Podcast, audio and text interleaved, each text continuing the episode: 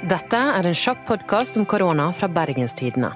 Her skal dere spørre, og vi skal finne de rette til å svare på deres spørsmål. I dag er det lørdag 14. mars. Mitt navn er Anna Magnus. Det er mange som skriver til oss. Kollega og produsent Henrik Svanevik, hva er et av spørsmålene vi har fått inn?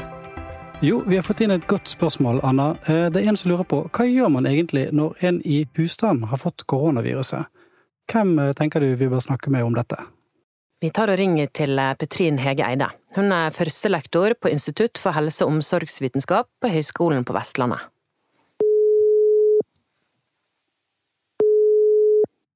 Hei, det er Petrin. Hei, Petrin. Anna fra Bergens Tidende som ringer. Hei. Hei. Du, hva skal man gjøre når man bor sammen med en som er smittet av korona? Ja, det er vel flere ting, men først av alt det er dette her med god håndhygiene. Da, hvis du har en koronasyk hjemme, så er at alle overholder god håndhygiene punkt nummer én. Så må den syke lære seg god hostehygiene. Det vil si at vedkommende hoster i helst papirlommetørklær, og at han har en liten pose eller noe lignende å putte lommetørklærne i, sånn at smittestoff ikke blir spredd rundt omkring i huset. Så tenker jeg at det er viktig at vi vasker huset. At vi flytter vekk en del unødvendige gjenstander, sånn at det er lettere å få kunne desinfisert overflater som den syke har vært borti. Og det med orden og kontroll vil kunne hjelpe oss å kunne skille mellom det som er rent, eller det som kan ha smittestoff på. Så det er en lur ting å kunne. Og så kan vi alle desinfisere overflaten i huset vårt med vanlig kloriksidin. Og da kan du lage deg en spruteflaske med 1 eh, dl klorin og 5 dl vann, og så bare sprayer du det over og tørker etter det. Og dermed så får du desinfiserte flater, sånn at du hindrer eh, at du blir smittet ved at du tar på gjenstander som den syke har tatt på. Hva bør man ikke gjøre når man er eh, syk?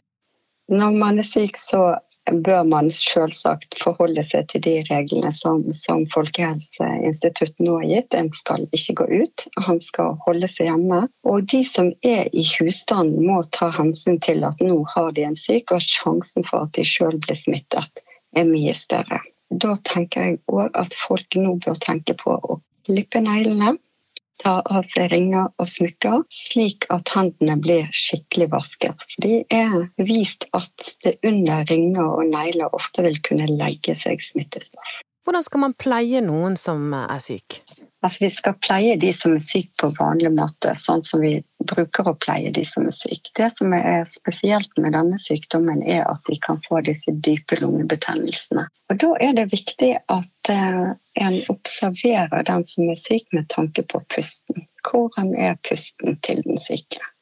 Hvor ofte puster de, f.eks.? Og da er det sånn at vanlige voksne, og dette er voksne og ikke barn, barn puster raskere enn voksne. Men vanlige voksne vi puster 12-16 ganger på minutt. Så hvis en ser at den syke begynner å puste fortere, at pusten endrer seg, blir mer overfladisk, at de bruker mer krefter for å få puste, da er det viktig å kontakte lege. Og enten ringe til fastlegen da, eller denne legevakttelefonen. Og hvis det er veldig alvorlig, da ringe 113. Men det kan òg være sånn at du ikke er så syk at du trenger sykehusinnleggelse. Og da kan det være greit hvis du har vondt for å puste, å heller sitte og ikke legge seg ned. Eller å ha puter i ryggen, sånn at du kommer litt opp i sengen. Det vil lette litt på pusten.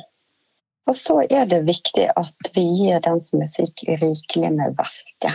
Det er viktigere å drikke godt enn å spise. Og når det gjelder drikke, så, så, ser vi det at en del av de som har vondt for å puste, som er forkjølet, de aksepterer bedre kalde drikker enn varme drikker. Så saft med isbiter i, smoothies, er fine greier.